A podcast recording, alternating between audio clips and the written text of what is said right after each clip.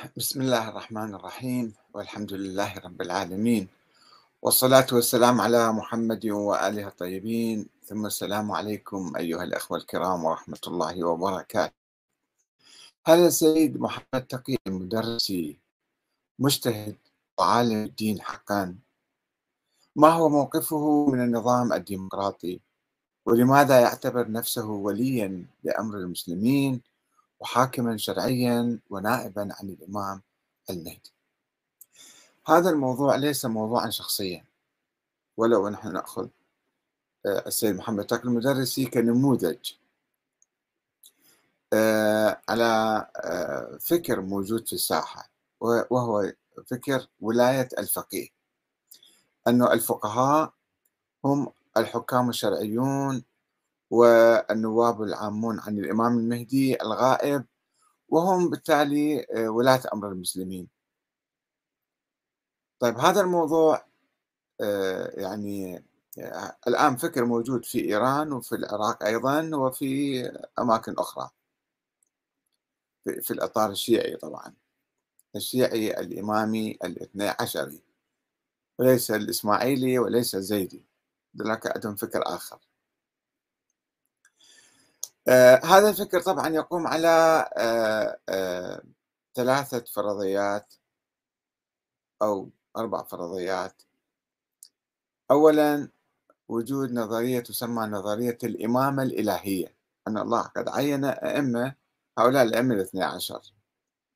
والثاني عشر أيضا موجود ومولود وهذه أيضا فرضية وليست حقيقة تاريخية. والنظرية الأولى أيضا نظرية الإمامة هي نظرية وليست حقيقة واضحة بالدين يعرفها جميع المسلمين وإلا لما أختلفوا عليها. إذا فهي اجتهاد أو نظر عند بعض الناس تسمى نظرية. آه، والفكرة الثالثة آه، أن الفقهاء الشيعة هم نواب عن هذا الإمام في الحكم على المسلمين. هاي فرضية ثالثة الفرضية الرابعة أن هذا الفقيه أو ذاك مثلا هو مجتهد حقا حتى ينال هذه المرتبة. فكلها فرضيات. كلها فرضيات. فرضية على فرضية على فرضية على فرضية. وبالتالي تنتج حكما ديكتاتوريا. أنه هذا العالم هذا الشيخ هذا المعمم هذا المرجع وهؤلاء المراجع عموما يجب أن يحكموا الشيعة. طيب هذا الفكر آه، إذا في جانبين جانب استبدادي دكتاتوري وفي جانب آخر هو فكر طائفي يفرق بين المسلمين. يعني بقية المسلمين في العراق أو إيران أو لبنان أو أي مكان لا يقبلون بهذا الفكر وبالتالي يصير تمييز بين هؤلاء الذين يؤمنون والذين لا يؤمنون وتنعكس في أمور كثيرة. في أمور كثيرة النظرية تنعكس حقيقة بصورة سلبية يعني. فإذا نحن في مسعانا وفي سعينا من أجل الوحدة الإسلامية تمتين أواصر الوحدة الإسلامية ومن أجل تحرير الإنسان المسلم من الدكتاتورية المزيفة باسم الدين. الله سبحانه وتعالى لم يضع في القرآن الكريم جماعة أو فئة أو طائفة أو شخصا معينا لكي يحكم على المسلمين ويكون ولي أمرهم. هذا ما موجود. فإذا إحنا ابتعدنا كثيرا عن القرآن الكريم حتى وصلنا إلى ما يسمى ولاية الفقيه أو الدكتاتورية الدينية الحقيقية. فبحثنا موضوع الإمامة وبحثنا موضوع المهدي كمقدمة إلى يعني تفكيك هذه الدكتاتورية والعودة إلى الديمقراطية. العودة إلى الشورى يعني عندما ترك الله تعالى وضع شخص معين وصي على المسلمين يعني ترك الأمور الأمور السياسية للناس هم يختارون أحدهم ويكون حاكما عليهم ويراقبوه ويحاسبوه وينتقدوه ويغيروه. هاي الصورة الطبيعية يعني المعقولة والتي عمل بها الصحابة الكرام والخلفاء الراشدون الذين جاءوا عبر البيعة وعبر الانتخاب. ولم يقولوا حتى الإمام علي لم يقل بأني مفروض الطاعة عليكم من الله. وكان يطالب الناس بانتقاده وتوجيهه وأمره بالمعروف نهي عن المنكر ومعارضته وقول وقول اتق الله له. يا علي بن ابي طالب مثلا هذا كله بحثناه كثيرا ما بحثناه يعني هو هذا آه آه الآن نأتي إلى آه هذا الشخص السيد محمد تقي المدرسي اللي هو طارح نفسه كمرجع. الآن وإلى مقلدين طبعا في العراق يمكن وفي الخليج في الكويت وفي السعودية وربما في البحرين وهنا وهناك. يعني مرجع درجة ثانية ثالثة رابعة ربما إذا الله طال عمره يصبح مرجع على الله أعلم. ولكن إحنا الآن نواجه مفترق طرق. بين أن نعزز نظامنا الديمقراطي هذا تحول اللي حصل عند الشيعة اليوم. يعني هالعقود الأخيرة أنه آمنوا بالديمقراطية الجمهورية الإسلامية في إيران. الناس الشعب الإيراني ارتضى أو طالب أو تبنى النظام الجمهوري الديمقراطي. والآن في العراق أيضا نظام ديمقراطي عندنا.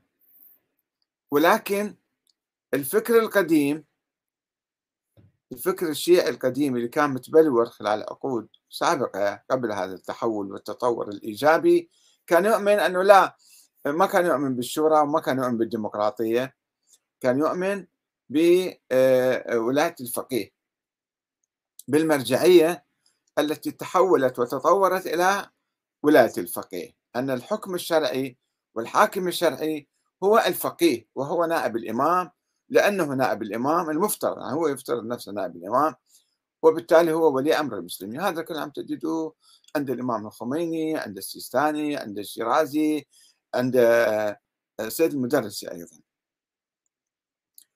وباعتباري كنت عضو في الحركة الرسالية أو الحركة المرجعية آه، منذ خمسين عاما أو أكثر آه، وكنت أتذكر الصراع اللي كان موجود بين آه، الحركة المرجعية يعني بين خط السيد الشيرازي وبين حزب الدعوة.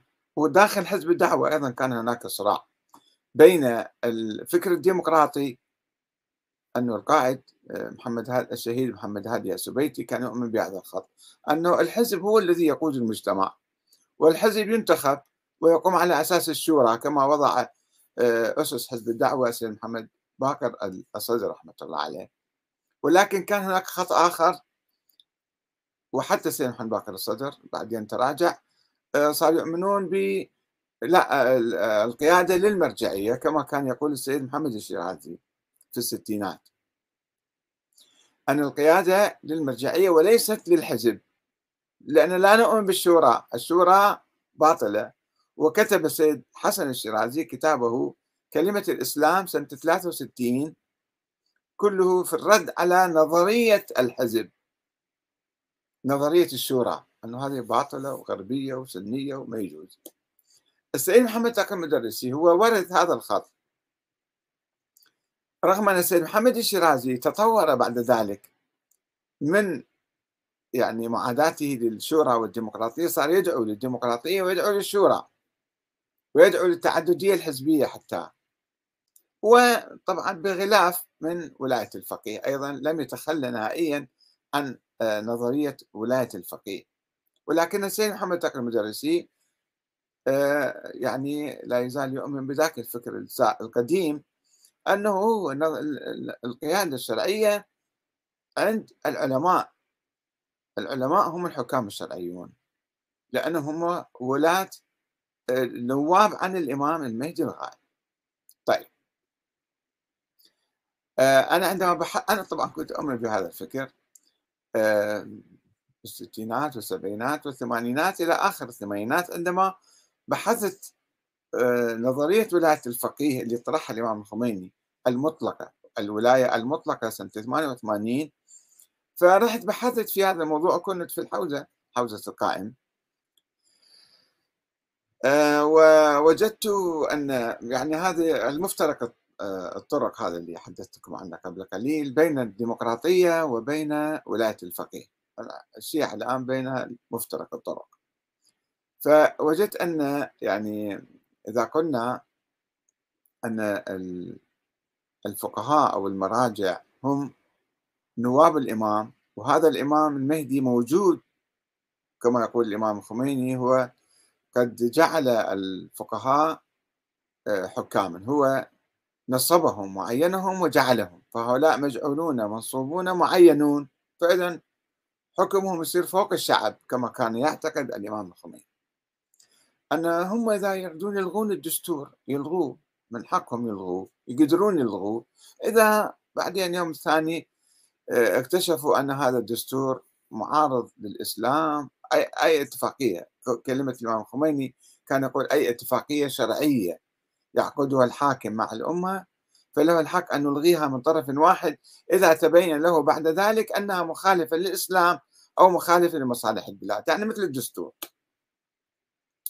فالمرجعية تعتقد نفسها فوق الدستور حتى في العراق الآن سيد السيستاني وغيره والسيد المدرسي والشيخ آه، اليعقوبي كلهم يعتقدون أن هم لهم شرعية من الله تعالى من الإمام فهم شنو الدستور شنو الديمقراطية؟ ما يؤمنون بها حقيقة.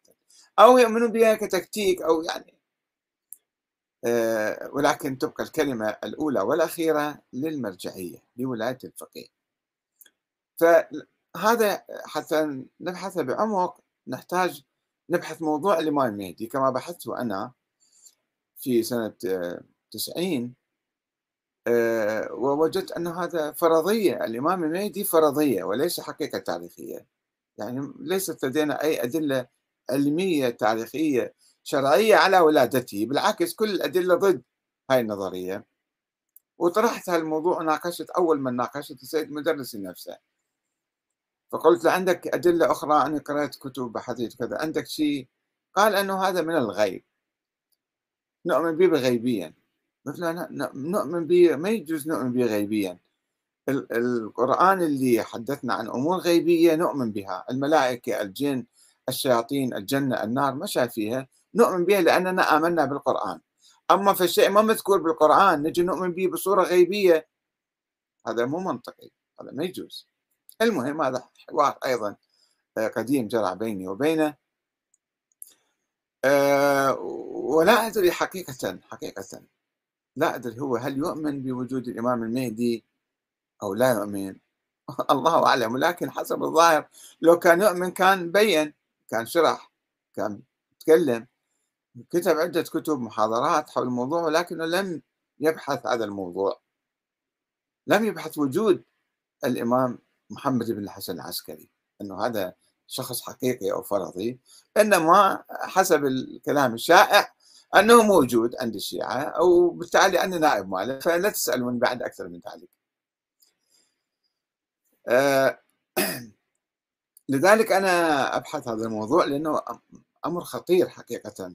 أن واحد يجي يدعي نفسه مجتهد ثم يدعي أنه نائب الإمام وهذا الإمام موجود والإمامة من الله وهو مو باحث لا موضوع الإمامة ولا المهدي ولا النيابة. وما ندري هو مجتهد لو مو مجتهد نشوف. نشوف من خلال أقواله.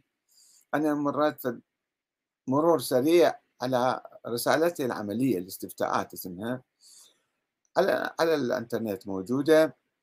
وسجلت بعض الملاحظات أخليها بخدمتكم وأرجو أن السيد يستمعني ويستمع إلي ويعيد النظر فيما أقول. وأصدقائه وأصحابه وأخوانه. لا يردون علي بسرعة بصورة انفعالية خلي يردون بصورة علمية. أرحب بذلك. كما هو السيد يقول أنا أرحب بأي نقد أي كلام هذا شيء لطيف. فأنا من هالباب أقول له يعني أولا هل أنت مجتهد حقا؟ حقيقة بدون استفزاز وبدون تحدي إذا أسأله. خلينا نشوف شلون اجتهد بماذا وكيف اجتهد وما هي طريقته للاجتهاد. كيف يكون مجتهد؟ يعني تعريف هسه نشوف التعريفات اللي هو يقدمها ونشوف تطبيقاتها على كلامه. وبعدين مسألة النيابة العامة ومسألة وجود المهدي ونظرية الإمامة هذيك خليها لأوقات أخرى للحديث.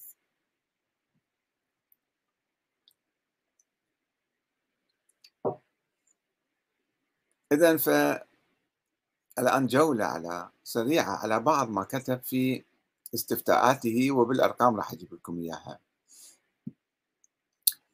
آه، يسألوه في هاي الاستفتاءات السؤال الثاني سؤال رقم اثنين آه، التقليد في العقائد عنوان التقليد في العقائد. ما المقصود عند الفقهاء من عدم جواز التقليد في العقائد؟ هاي شيء مسلم عند الشيعة كل الفقهاء يقولون لا يجوز التقليد في العقائد وحتى في التقليد يقولون لا تقليد في التقليد.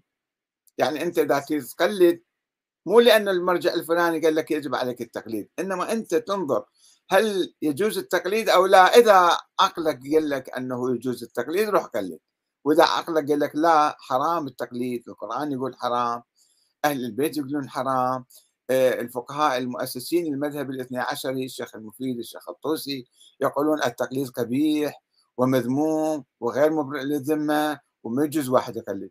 فإذا آه، تقول أنا التقليد ما يجوز. المهم يسألوه. يقول شلون العلماء يقول ما المقصود من عند الفقهاء من عدم جواز التقليد في العقائد؟ وكيف يتفق ذلك؟ والحال أننا ورثنا عقائدنا عن الأسلاف. فهل يعني ذلك بطلان معتقداتنا؟ إحنا مدى نجتهد؟ نقلد يعني. أم يعني ذلك أن أن يصير الجميع علماء؟ لازم كلنا نصير علماء ونجتهد. فماذا يجيبهم السيد المدرس؟ يجيب هذا السؤال. يقول الجواب إذا كانت الثقة بصحة العقائد المتوارثة كفى ذلك لأن عقائدنا هي موافقة مع الفطرة التي فطر الله الناس عليها والله العالم. يعني يقول لهم ماشي الحال قلدوا كما مثل ما أنتم موجودين لا تفكرون أكثر من ذلك. بينما يعني الآن إحنا عندنا أديان آلاف الأديان والمذاهب بالعالم كل جماعة اللي يرثون الدين من آبائهم وأجدادهم يعتقدون أنهم على صحة. آه، ولكن إذا واحد بحث ونظر وتحقق ودقق مثل ما أنا نظرت وحققت أنا ورثت أنا أيضا كنت باحث مو كنت يعني مقلد. يعني هذا الكلام أنا سمعته من طفولتي أنه لا يجوز التقليد في العقائد. ولكن آه، وبحثت ودخلت بالحوزة وقرأت وسألت وناقشت وكتبت. عشرة ناقص واحد يساوي صفر. آه، يعني ببحث سطحي أو ضعيف يعني. ثم عندما بحثت بصورة أعمق بعد 20 25 سنة من الحوزة اكتشفت أنني على خطأ. وبعض العقائد اللي أؤمن بها هي عقائد خرافية أسطورية ليس لها آه، واقع مثل وجود الإمام الثاني عشر. فشلون نقول أنه الثقة بصحة العقائد المتوارثة كفى ذلك؟ هذا جواب السيد المدرسي ومن قال لك أن عقائدنا هي موافقة مع الفطرة الفطرة تقول لك أكو إمام غايب مثلا؟ فمن وين جبت الكلام هذا؟ على حال يقول والله العالم. طيب السؤال 24 العقائد أساس الدين. هل نمتلك كمؤمنين منهجا نظريا واضح المعالم يتيح لنا فهما محكما للدين في أصوله وفروعه. خصوصا ونحن نرى كثيرا من تفصيلات العقائد أو ما تسمى فروع الأصول محل اختلاف بين الفقهاء. ف يعني رد على ذاك الكلام إنه شلون إحنا نقدر نطمئن؟ فالجواب يقول من الضروري دراسة العقائد عند العلماء الواعين فإنها أساس الدين. دراسة العقائد لازم هو الانسان يدرسها مو عند شخص معين. لأنه إذا أنت رحت عند سيد المدرس مثلا وهو عنده عقائد معينة راح يقول لك نفس الكلام. راح يصير تقليد أيضا. فأنت لازم تبحث بصورة مستقلة مو تقلد. شفت أحد الخطباء اللي على اليوتيوب؟ عنده محاضرات يناقش وكذا ويدافع. أنه علمائنا كلهم قالوا بذلك. الكشي والنجاشي والطوسي وابن الغضائري والمفيد و... طيب هذول أيضا يعني تروح تقلدهم أنت؟ ما يصير تقلدهم ما تعتبر كل ما ورد عن هؤلاء هو صحيح سواء بالروايات أو بالأفكار والنظريات. فيجب أن تخرج من هذا الصندوق مالك اللي ولدت فيه وتفكر بصورة مستقلة وبحث علمي دقيق في كل نقطة نقطة حتى تقدر تعرف. فهذا جواب مال المدرسي يقول من الضروري دراسة العقائد عند العلماء. أنت أن تبحث. العلماء قد يكون هم ضالين أو منحرفين أو فاسد فاسدي العقيدة أو مغالين أو ما يفتهمون جهلة تعتبره أنت عالم مثلا. شلون تروح تدرس عنده؟ فإذا درست عنده عود تصير يعني راح تهتدي للصواب طيب. نجي على موضوع آخر أيضا. من هو عالم الدين؟ يسألوا منه عالم الدين؟ فيقول عالم الدين هو الشخص القادر على استلهام روح الدين وجوهر الشريعة ولباب الإسلام من القرآن الكريم والسنة الشريف. هذا كلام لطيف. وفي هذا المجال يحتاج إلماما بعلوم اللغة العربية ومناهج التفكير السليم والأصول والفقه. طيب وين راح التاريخ؟ وين راح علم الكلام؟ وين راح الحديث؟ دراية الحديث؟ لأن أشياء أشياء ضرورية أيضا. حتى أنت تقدر تفهم هاي الروايات جاية عن النبي أو عن أهل البيت مثلا روايات صحيحة. كما يحتاج القدرة على التدبر في القرآن وفهم السنة وفهم متطلبات العصر. طيب هسه خلي هذا تعريف عام يعني شوية. خلينا نجي نشوف هو أكيد يعتبر نفسه هو صار مجتهد الآن. هل الأئمة يشرعون؟ يسألوه. سؤال 1351 في هذه الاستفتاءات ملاك. هل أهل البيت عليهم السلام مشرعون أو تشريع لله فقط؟ هل أهل البيت مشرعون أو أن شريعة الإسلام كملت وانتهت عندما توفي رسول الله صلى الله عليه وسلم؟ يعني الله نزل الدين والنبي شرحها شرح بعض الصلاة كيف يصلي مثلا. الحج كيف نحج الكلام فالأئمة شنو دورهم الآن؟ هاي نظرية الإمامة. هل اجتهد السيد المدرسي في نظرية الإمامة؟ خلينا نشوف جوابه شنو. يعبر عن ماذا؟ يعبر عن اجتهاد أو يعبر عن تقليد أو يعبر عن جهل هذا الكلام. هل هو مجتهد؟ هنا هنا يبين اجتهاد المدرسي. هل هو حقيقة مجتهد وعالم بالدين كما قال أم لا؟ الجواب إن الله فوض إلى النبي صلى الله عليه وآله وسلم والأئمة المعصومين عليهم السلام أمر الدين بعد أن أدبهم وعلمهم. ولكن ذلك لا يعني أن الحكم حكمهم إنما هو حكم الله يجري على ألسنتهم. شايفين هذا الكلام شنو؟ شنو هل وين تحطوا بها ميزان؟ شلون نفهم الموضوع؟ النبي لا شك الكلام حول النبي هو كان يشرع أم كان يتلقى التشريع من الله ذاك حطوه على صفحة الآن. نجي على الأئمة. الأئمة المعصومين. من هم الأئمة المعصومين؟ كيف نعرفهم واحد بعد واحد؟ شنو الدليل عليهم على إمامتهم على واحد واحد؟ مو تقولوا لي آه، أنه العترة. أني تارك فيكم الثقلين كتاب الله وعترتي. العترة يعني العشيرة. النبي ما قال ذول العشيرة صاروا عدل الدين وعدل القرآن. قال ديروا بالكم عليهم العترة أهل بيتي يعني نسوانه. فالأئمة المعصومين هاي نظرية نظرية الإمامة. شلون أن الله فوض إلى الأئمة المعصومين أمر الدين بعد أن أدبهم وعلمهم؟ وكيف ومتى أدبهم ومتى علمهم؟ ومنين إجاهم العلم؟ هذه أسئلة هاي نظرية الإمامة الواحد لازم يبحثها. اللي سيد مدرسي لم يبحثها كما يبدو من كلامه يعني. ولكن ذلك لا يعني أن الحكم حكمهم إنما هو حكم الله يجري على ألسنتهم. يعني شنو صاروا أنبياء؟ صاروا أنبياء إذا حكم الله يجري على ألسنتهم وهم معصومين إذا واحد ينزل عليهم. هذا غلو هذا الأئمة لم يقولوا هم الأئمة لم يقولوا ذلك. الأئمة كانوا يقولون إحنا عندنا روايات عن آبائنا وأجدادنا نرويها عن النبي. مو أكثر من ذلك. ماكو شيء اسمه حكم الله يجري على لسانهم وهم معصومين وهم حكم أصلا مثل النبي يعني. هو طبقهم ويا النبي. إن الله فوض إلى النبي والأئمة المعصومين. أمر الدين فوض لهم أمر الدين.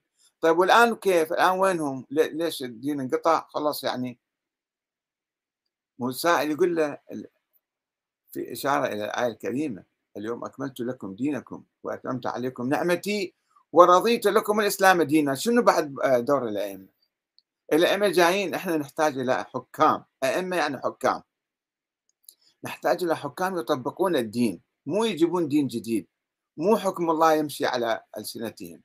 فهذا دليل على أن السيد المدرسي لم يبحث أو لا يريد أن يبحث في الحقيقة يعني الفرصة يعني الأسئلة من تجي لازم واحد يروح شوية يحقق ويدقق ويسأل ويناقش وبعدين يجي يتكلم. مو كما شنو خطر في باله يتكلم ويفتي الناس بغير علم وبغير دليل ولا برهان. طيب هل نجينا عن نظرية الإمامة. الإمام وعلم الغيب هذا عنوان مالي. سؤال 1354 هل يعلم الإمام المهدي متى يظهر؟ عجل الله له الفرج وهل يعلم الرسول صلى الأكرم صلى الله عليه وآله وسلم متى يكون يوم القيامة؟ علم الساعة الجواب الأنبياء والأئمة. طبق الأنبياء والأئمة صاروا. يعني جزء من مثل الأنبياء صاروا. الأنبياء والأئمة عليهم السلام لا يعلمون شيئا من الغيب إلا بإذن الله. فإذا شاء الله تعالى وأذن لهم فهم يعلمون. قال الله تعالى عالم الغيب فلا يظهر على غيبه أحدا إلا من ارتضى من رسول هو ما يجيب كلمة إلا, إلا من ارتضى من رسول لأنه آه، هو طبق الأئمة وياهم. فشلون إذا قلنا إلا من ارتضى من رسول يعني ما تشمل الأئمة الرسل الله سبحانه وتعالى أعلمهم بعض الأمور الغيبية. طيب الأئمة شنو دخلناهم بالنص الآن؟ كيف؟ شلون الأئمة لا يعلمون شيئا من الغيب إلا بإذن الله يعني يعلمون الغيب إذن صاروا. الأئمة إذن يعلمون الغيب هو كاتب العنوان. الإمام وعلم الغيب. ويجيب القرآن قطع الآية بالنص ما كملها لأنه تتناقض الفكرة مالته. هسه نجي راح للأحاديث. الأحاديث التي التي لم يحققها ولم يدرسها ولم يرى سندها ولم يعرضها على القرآن. والجواب يقول قال الإمام الباكر في تفسير الآية وكان والله في تفسير هاي الآية عالم الغيب فلا يظهر على غيب أحدا وكان والله محمد ممن ارتضاه هاي تكمل إلا من ارتضى من رسول. فإذا محمد كان ممن ارتضاه الله. هذا أكيد واضح هذا ما في ما في شك وما في. وبعدين شنو؟ وجاء في رواية أخرى عن الإمام الصادق. جاء في رواية شنو سندها ومنين إجتي ومن رواها؟ 1400 سنة بيننا وبين الإمام الصادق. مو مهم هذا. إذا أراد الإمام أن يعلم شيئا أعلمه الله. ذلك يعني بس يقعد الشكل يقول أنا شنو أكو بأمريكا الآن؟ شنو أكو بأستراليا؟ يسأل بنفسه يريد يعلم شنو يجري هناك مثلا؟ فالله سبحانه وتعالى يعلمه بذلك. هاي مفهوم الحديث هذا. إذا أراد الله آه، إذا أراد الإمام أن يعلم شيئا هو ما عنده علم أوتوماتيكي دائما. لا شو وقت ما يريد يعني صار عنده علم غيب. يعني الأئمة عندهم علم غيب. طيب هذا آه، هو كلام أهل البيت صحيح. القرآن يقول بذلك. القرآن لا يقول بذلك. ف آه، المشكلة يعني حقيقة يعني يعني دي سوف نظريات آه، أخبارية حشوية مال الغلاة يجيبها إلى زقها ويفتي بها الناس. ما دي يفتي بالقرآن؟ مو فسر القرآن فسر العالم الذي يأخذ علمه من الكتاب والسنة. هنا منين جبت لا كتاب ولا سنة؟ من روايات الغلاة. فشوفوا هذا لذلك أقول هو لم يجتهد في نظرية الإمامة. وبالتالي كل ما يترتب عليها من أمور كله راح يصير خاطئ. وجود الإمام المهدي هل يعلم الإمام المهدي؟ هو أساس البحث هذا. من يقول لك أصلا موجود واحد اسمه إمام مهدي؟ محمد بن حسن العسكري. ومتى يظهر؟ والله شلون يعرف هذا؟ الإمام متى يظهر؟ يعني الله يقول له اظهر ينزل عليه وحي كيف يعني؟ يعني شوفوا هذا اللخبطة واحد يطرح نفسه أنا مجتهد وأنا إذا نائب الإمام المهدي وهذا المهدي هو الثاني عشر والذول الاثنى عشر الله عينهم وأدبهم طب هذا كله كلام يصير كلام خرافي وهم وهمي وهم على وهم ظلمات على ظلمات تصير بعد نفس المنحى هذا سوت في الأجوبة السابقة مزج بين الأئمة والأنبياء نفس الشيء الأئمة والأنبياء الأئمة والأنبياء. هنا يجي يقول له واحد الأئمة أفضل من الأنبياء سؤال علامة استفهام فيه. يعني هل الأئمة أفضل من الأنبياء؟ سؤال 1350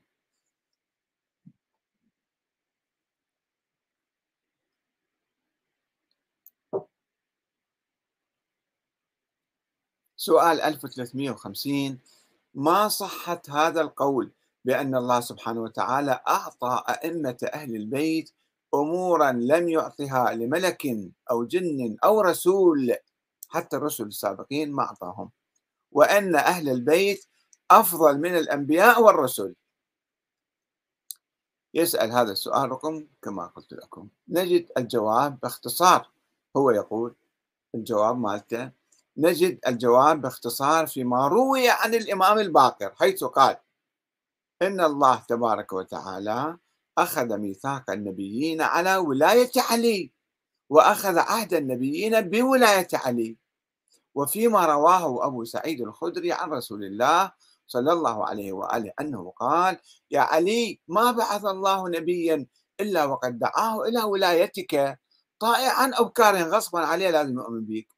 كارها أنا معناتها زين هاي الرواية قاعد ترويها عن الإمام الباقر الإمام الباقر من هو؟ هل بحثت الموضوع؟ ما هي حجية قول الإمام الباقر؟ حقيقة بدون مع كل احترامي وتقديري للإمام الباقر هو شخص محمد بن علي آه، زين العابدين دا يتكلم في الكلام يجي في الكلام ما موجود لا بالقرآن ولا معروف عند المسلمين إن الله تبارك وتعالى رواية كذب. بس إحنا ما نقول هو قال نفترض هو قال الكلام هذا. نفترض على صحة النسبة.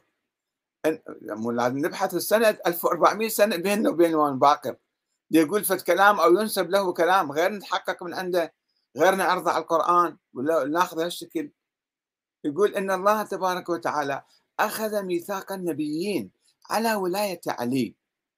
كل لازم يصيروا شيعة الأنبياء. إذا ما صار شيعة غصبا عليهم طوعا أو كرها فذولا. وأخذ عهد النبيين بولاية علي. غلوب هذا غلوب وكذب وافتراء على الإمام الباقر وعلى النبي محمد وعلى الأنبياء السابقين. وفي وهذا يقول لك أنا صرت مجتهد الآن. يعني يقبل هكذا روايات مال الغلاة الروايات الخرافية الأسطورية ويقول لك أنا صرت مجتهد وأنا نائب الإمام بعدين وأنا الحاكم الشرعي. وفيما رواه أبو سعيد الخدري منه؟ كيف؟ من روى عن أبي سعيد الخدري؟ وين؟ بيا كتاب بيا كذا مثلا. يقول لك في بحار الأنوار. يا علي ما بعث الله نبيا إلا وقد دعاه إلى ولايتك. طائعا أو كارها. شايفين كيف؟ فهذا شنو هذا؟ يعني ننقل ننتقل إلى عالم آخر. يعني ابتعدنا جدا عن القرآن الكريم. طيب وهذا وين ينعكس؟ لما نغالب أهل البيت فندخل أهل البيت في بدع جديدة. سؤال 255 الشهادة الثالثة في التشهد. نعرف؟ أشهد أن لا إله إلا الله وأن محمد رسول الله مثلا. نشهد بالأذان أو بال آه، بالتشهد. في الأذان عندما جاء الغلاة المفوضة كما يقول الشيخ الصدوق محمد بن علي بن بابوي في كتابه من لا يحضره الفقيه. أن ذول الغلاة المفوضة لعنهم الله قول هذا هو. أدخلوا الشهادة الثالثة في الأذان. هاي في القرن الرابع الهجري. الآن أكو موجة جديدة لا مو بس هذا. الشيخ الغزي وما أدري منو ذول وسيد المدرسي. أنه تعال ندخل الشهادة الثالثة في التشهد بالصلاة. فيقول له أحد المؤمنين يقرأ الشهادة الثالثة في تشهد الصلاة الواجبة فما حكم ذلك وماذا عن الصلوات التي صلاها مقبولة لو باطلة بدل ما يقول لها بدعة وما يجوز وحرام ولسه لا بس الجو المغالي والغلو اللي عايش به يدفع إلى أنه يقبل كل شيء، كل بدعة جديدة هم يغطوها. الجواب لا بأس بذلك. شنو لا بأس بذلك؟ هاي بدعه حرام أنت قاعد تسوي لك شيء بالصلاة تدخله. إن لم يكن بقصد التشريع شنو اللي بقصد التشريع؟ أنت ما يصير تحكي بشيء غير ما الله قايل لك. وهكذا شوية شوية إحنا نبتعد عن الإسلام الصحيح والحقيقي. والأفضل عدم الاستمرار على ذلك تبعا لصلاة رسول الله وأهل بيته الأطهار طيب إذا رسول الله وأهل بيته الأطهار ما كانوا يجيبونها التشهد الشهادة الثالثة. أنت ليش تجيبها؟ ليش تقول لا بأس بذلك؟ هذا إفتاء هذا إفتاء معكوس إفتاء مسؤولية. أمام الله تعالى الله يحاسبك يوم القيامة على هالأجوبة هذه. شلون قاعد تفتي الناس لا بأس بذلك؟ طيب شوفوا نفس الشيء. يعني عدم الاجتهاد وين ينعكس؟ حكم صلاة الجمعة. سؤال 281 ما حكم حضور صلاة الجمعة؟ واجبة ولا مو واجبة يعني. الجواب عند الثقة بالإمام تجوز إقامة الجمعة تجوز. وهي بخطبتيها تكفي عن الظهر إن شاء الله. طيب يعني مو واجبة. يعني يجوز. إذا وثقت بالإمام وإذا لم تثق بالإمام الشرط لازم تثق بالإمام لو واحد أقام صلاة الجمعة وأنت تروح تصلي وراه صلاة الجمعة واجبة. ليش تقول يجوز؟ هذا أيضا خلاف القرآن الكريم وهذا يدل على عدم الاجتهاد. وأنت قاعد تقلد العلماء السابقين الشيعة الذين قالوا بحرمة صلاة الجمعة أو باستحبابها أو بكراهتها أو بالتخيير بين الظهر والكذا فأنت شنو رأيك؟ لماذا لم تعد إلى القرآن الكريم لتستفتيه ويقول لك القرآن صلاة الجمعة واجبة وآية صريحة؟ أصلا ما يحتاج واحد يسأله. هذا اللي سائله ما حكم صلاة الجمعة؟ ما يحتاج تسأل المدرس ولا أي مرجع آخر ولا أي فقيه آخر. ارجع للقرآن. يجب أن لذلك أقول التقليد حرام وقبيح ومذموم ومضل. التقليد أحيانا يؤدي بك إلى يعني التقليد تقليد الضلال والضالين. والابتعاد عن حكم الله الواضح الصريح بالقرآن ما يحتاج له نقاش يعني. طيب هسه إحنا سوينا الأئمة وسوينا الإمامة والمهدي وكذا هسه وين شنو نقطف؟ هسه ما موجودين الأئمة ولا الإمام المهدي. فمنو موجود بالنيابة عنهم؟ هو الحاكم الشرعي هو نائب الإمام هو ولي أمر المسلمين الذي يتمثل بالسيد محمد تقي المدرسي. عنوان الحاكم الشرعي. سؤال رقم 20 مصطلح الحاكم الشرعي ماذا يعني؟ هذا السؤال. الحاكم الشرعي الجواب المجتهد الجامع للشرائط يصير حاكم شرعي يعني. كل مجتهد جامع للشرائط يعني شنو الشرائط؟ يعني عادل مو فاسق. المجتهد مجتهد لو مو مجتهد بس يسموه مجتهد على أي حال. هذا صار المجتهد الجامع للشرائط مثل سيد المدرس اللي شفنا اجتهاده شلون. هذا صار شنو؟ هو حاكم شرعي. سؤال 21 الولاية العامة للفقيه. هل مسألة الولاية العامة للفقيه من مسائل التقليد؟ لو إحنا نشوف رأينا نشوف هذا نؤمن بالولاية لو ما نؤمن بالولاية. فيدور الالتزام بها مدار رأي المقلد وجوبا أو عدما. نسأل العالم أنت تؤمن بولاية الفقيه؟ قال إيه أخو إحنا بنصير مثله. نؤمن. إذا قال لا إحنا نقول لا. أو لا إحنا بصورة مستقلة نشوف أنه هاي نظرية ولاية الفقيه آه لها مستندات شرعية أو لا. وإحنا لازم نقلد الفقهاء ولا لا؟ بعقلنا. الجواب نعم. يقول يعني آه، الالتزام بها يدور مدار رأي المقلد وجوبا أو عدما. طيب أنت شو رأيك؟ تطبيق ولاية الفقيه. سؤال 22 كيف هي الصيغة التي ترونها لولاية الفقيه؟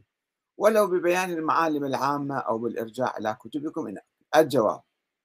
الأساس الأساس منين اجى الأساس؟ شنو هو الأساس؟ منو حط هذا الأساس؟ مو مو مهم يعني المهم الأساس هو كون إدارة شؤون الناس تحت إشراف أو مباشرة الفقيه العادل الذي يحكم بما أنزل الله وإذا لم يحكم بما أنزل الله ظلم الناس مثلا واشتبه و صار يخربط بالعقيدة مالته وبالدين ماله شلون يصير هذا هم فقيه عادل بعد يقول هو الفقيه العادل بعد هو هذا هو. شؤون الناس بالفقيه عادل. طيب عندنا الآن مئات كل واحد يقول أنا فقيه عادل. شلون نوفق بيناتهم؟ يقول أما الشكل التطبيقي لذلك فيعود إلى انتخاب الناس حسب اقتراح أهل الحل والعقد وخبراء الأمة. الشعب شنو رأيه؟ ما إلى رأي الشعب بالموضوع انتخاب الناس. وقد يختلف الشكل التطبيقي من مكان لآخر. بإيران شكل بالعراق شكل بالهند شكل هذا بعد. سؤال 1149 ولاية الحاكم الشرعي. أه يسألوه أنه آه، الهيئات الأهلية الإسلامية والاجتماعية التي تتكون باسم المنطقة لخدمة أهالي منطقة مثلا فشنو هذولا آه، فهل لأهالي المنطقة الحق في اختيار أو انتخاب من يرونه الأصلح لإدارة هذه المؤسسة؟ هاي على المستوى الاجتماعي يعني هيئات. يقول الأوقاف التي ليس لها متولي يعود أمرها إلى الفقيه الجامع للشرائط. كل شيء دولة الملك يرجع للفقيه. عنده ولاية من من الإمام المهدي بعد خلاص هو مثل الإمام المهدي. أو من ينوب عنه في مثل هذه الأمور. أنتم ما لكم حق تديرون أموركم بيناتكم لازم ترجعون إلي للمرجع يعني. وهاي الولاية تنعكس طبعا في مسائل فقهية كثيرة مثل آه، تصرف الخمس يسألوا أسئلة كثيرة. سؤال 490 هل يجوز للمكلف أن يصرف الحقوق الشرعية مثل الخمس وغيره في موارد يعلم فيها رضا الإمام عليه السلام الإمام يعني؟ وبدون الرجوع للحاكم الشرعي. أحنا نشوف هذا فقراء هنا مساكين هنا ايتام هنا نعطيهم. يقول له الجواب ينقسم الخمس إلى قسمين قسم للإمام عليه السلام ويطلق عليه سهم الإمام اللي المراجع يأخذوه. وفي عصر الغيبة يعطى هذا القسم لمن يلي شؤون المؤمنين من الفقهاء العدول نيابة عن الإمام. نيابة عن الإمام. فإذا صار الفقيه هو نائب الإمام فهو لازم خمس يعطوه له ويتصرف الفقيه في سهم الإمام حسب بصيرته لإقامة فرائض الله وسنة رسول الله وإبلاغ الرسالة وإدارة شؤون المؤمنين. وبعد أكو واحد يحاسبه الفقيه المرجع هذا اللي يأخذ الخمس هو هو نائب الإمام بعد. ما يصير واحد يناقشه أو يحاسبه ويقول له الفلوس وين وديتها؟ شنو صرفتها؟ وبيابونج حطيتها مثلا؟ لا فوق المحاسبة. هذا هذا ولي الفقيه. أو المرجع هذا فوق المحاسب كل المراجع مو فقط المدرس كلهم ما يقبلون واحد يحاسبهم أو يسألهم وين صرفتوا الفلوس. وبتشوف ما عندهم. يقولون إحنا صرفنا. هل قد أعطينا رواتب للطلبة للمستشفيات لدور الأيتام؟ ولكن كم دخلكم من أموال؟ لا تسألوا هذا السؤال. بعدين أيضا القسم الثاني اللي يعني للمحتاجين من السادة يقول ينبغي إيصال سهم السادة إلى الفقيه حتى سهم السادة ينبغي إيصال سهم السادة إلى الفقيه خصوصا لدى مطالبته بذلك. إذا قال نجيبوا لنا حتى سهم السادة عادة العلماء يقولون سهم السادة أنتم تصرفوا به. هذا يقول لا حتى سهم السادة جيبوه إلي لدى مطالبته بذلك لأنه المتولي لشؤون صرفه بينه هو المسؤول أن يوزع عليهم. وباستطاعة المكلف أن يتصرف في سهم السادة إذا أجاز الفقيه له بذلك. واحدة ما يصير كل شيء لازم يرجع بيدي أنا. وأموال العامة أموال مجهولة المالك أموال الطواغيت أموال الدولة. شوفوا شلون تنعكس هالولاية هالنظرية الولاية اللي هو اعتقد بنفسه أنه هو صار ولي لأمر المسلمين باعتباره مجتهد وباعتباره نائب عن الإمام. فيسألوه سؤال 1168 هل يجوز نهب الأموال والأغراض الخاصة لبيوت قادة النظام المجرم السابق في العراق؟ الجواب تعتبر هذه من أموال المسلمين ولا بد من استئذان الفقيه في أخذها مو ترجع للدولة. ترجع للفقيه. إلى يعني إذا هو قال لك إيه مسموح لك أخذ. إذا لا لازم ما يصير. فترجع له الفقيه هو اللي يحكم على هاي الأموال. من أموال الحكومة؟ سؤال 1171 شخص أخذ شيئا من أموال الدولة. الجواب عليه أن يستأذن الحاكم الشرعي. يرجع للحاكم الشرعي. هو الحاكم. مو يسأل الدولة يابا أنا أخذت من عندكم أرجعها. لا. من أموال الطغاة. سؤال 1173 أم واحد حاصل بعض المقتنيات من بيت أحد الطغاة وكان بينها حلي ذهبية. يقول عليك أن تستأذن الولي الفقيه في ذلك بعد شرح ظروفك وظروف الحصول على تلك المقتنيات يقول لك إيه ما يخالف أو لا تجيب لنا إياها إلنا. الاستيلاء على أموال الدائرة سؤال 1174 نفس الشيء واحد يعمل بدائرة وملفلف أشياء بالدائرة. عليه أن يستأذن في ذلك الولي الفقيه إلا عند الضرورة وبإذن بإذن شرعي خاص. شنو إلا عند الضرورة؟ يعني بعد ما يحتاج يستأذن الولي الفقيه؟ إلا عند الضرورة.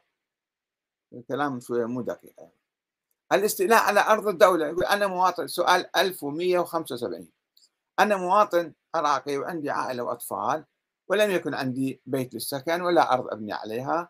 بيتا لعائلتي فاستوليت على قطعة أرض تعود ملكيتها للدولة. كما أنه الحديقة في محلة الجمعية في كربلاء ما اجوا المدرس يستولى على الحديقة وسواها حسينية. فملكية الدولة ماكو شيء اسمه ملكية الدولة حديقة مال مجتمع في منطقة اسمها بيتنا في حي الجمعية. فما حكم هذه الأرض؟ وهل تصبح ملكا لي؟ الجواب لا تصبح ملكا لك إلا بموافقة الدولة أو الولي الفقيه. هو أعطى إجازة روحوا سيطروا على الحديقة وسووا بها حسينية. ومكتب إلى أيضا صار في هذا علما أن لكل عراقي الحق في قطعة أرض للسكن. طيب هذه الدولة تنظم ولا يصير فوضى؟ كل واحد شاف له أرض حديقة مثلا أو شارع معين يقص يقص الشارع ويبني بيت فيه ما يصير الشكل. آه شراء سيارات الجيش آه، لدى انهيار الجيش. أيضا يقول له واحد اشتريت أنا يقول عليك مراجعة الولي الفقيه أو وكيله بشأنها حتى يحل المشكلة ويأخذ من عندك الخمس مالك. الاعتداء على الممتلكات العامة. أيضا سؤال 1183 آه هل يجوز الاعتداء على الممتلكات العامة؟ بداعي محاربة الحاكم الظالم. على سبيل المثال آه، كذا وكذا يقول له الجواب لا يجوز ذلك إلا بأمر فقيه عادل وفي ظروف خاصة تعتدى على الممتلكات العامة. مو مشكلة حتى حرق إشارات المرورية كاتب له. حرق حرق الإشارات المرورية هاي مالت الناس خدمة للناس تحرقها أنت يعني شنو سويت؟ راح أسوي تصادم للناس. فلا يجوز ذلك إلا بأمر فقيه عادل يعني شلون؟ منو يعطي الأمر هذا وفي ظروف خاصة؟ يعني شوف أصلا نفس الولاية. وهو ما يعترف بالنظام الديمقراطي والشعب ينتخب الحاكم لا هو يبقى أنه أنا الحاكم الشرعي. أنا ولي أمر المسلمين باعتباري أنا نائب الإمام المهدي اللي هو ما يؤمن به حقيقة. وإذا كان يؤمن به كان شرح وكتب وقال يا شنو ادلتي على وجود هذا الإمام.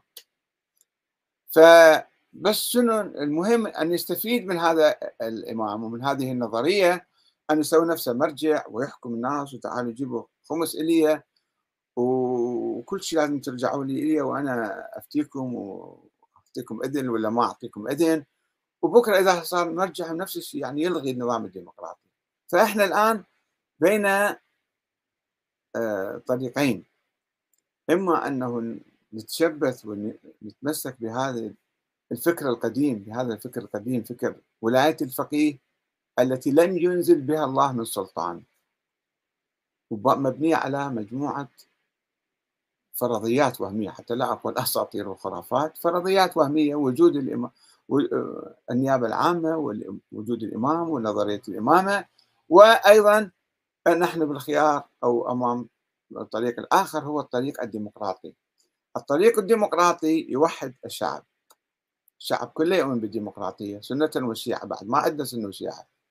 نصير كلتنا متحدين وأحرار من دون ما واحد يفرض نفسه آه، مهيمن علينا.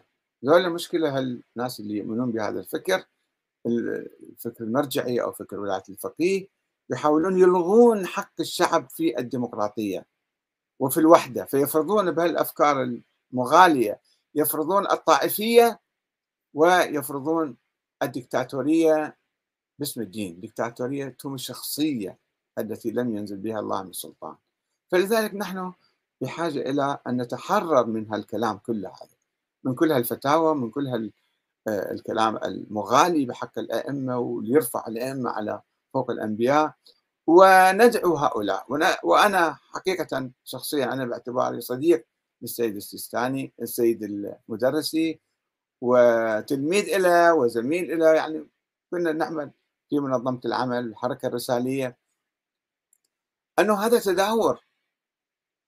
الشعب الشيعي المسلمون تقدموا ديمقراطيا ونحن لا زلنا نتمسك بالفكر اللي آه، ألفناه قبل 60 70 سنة. والفكر الموروث اللي ما باحثين فيه.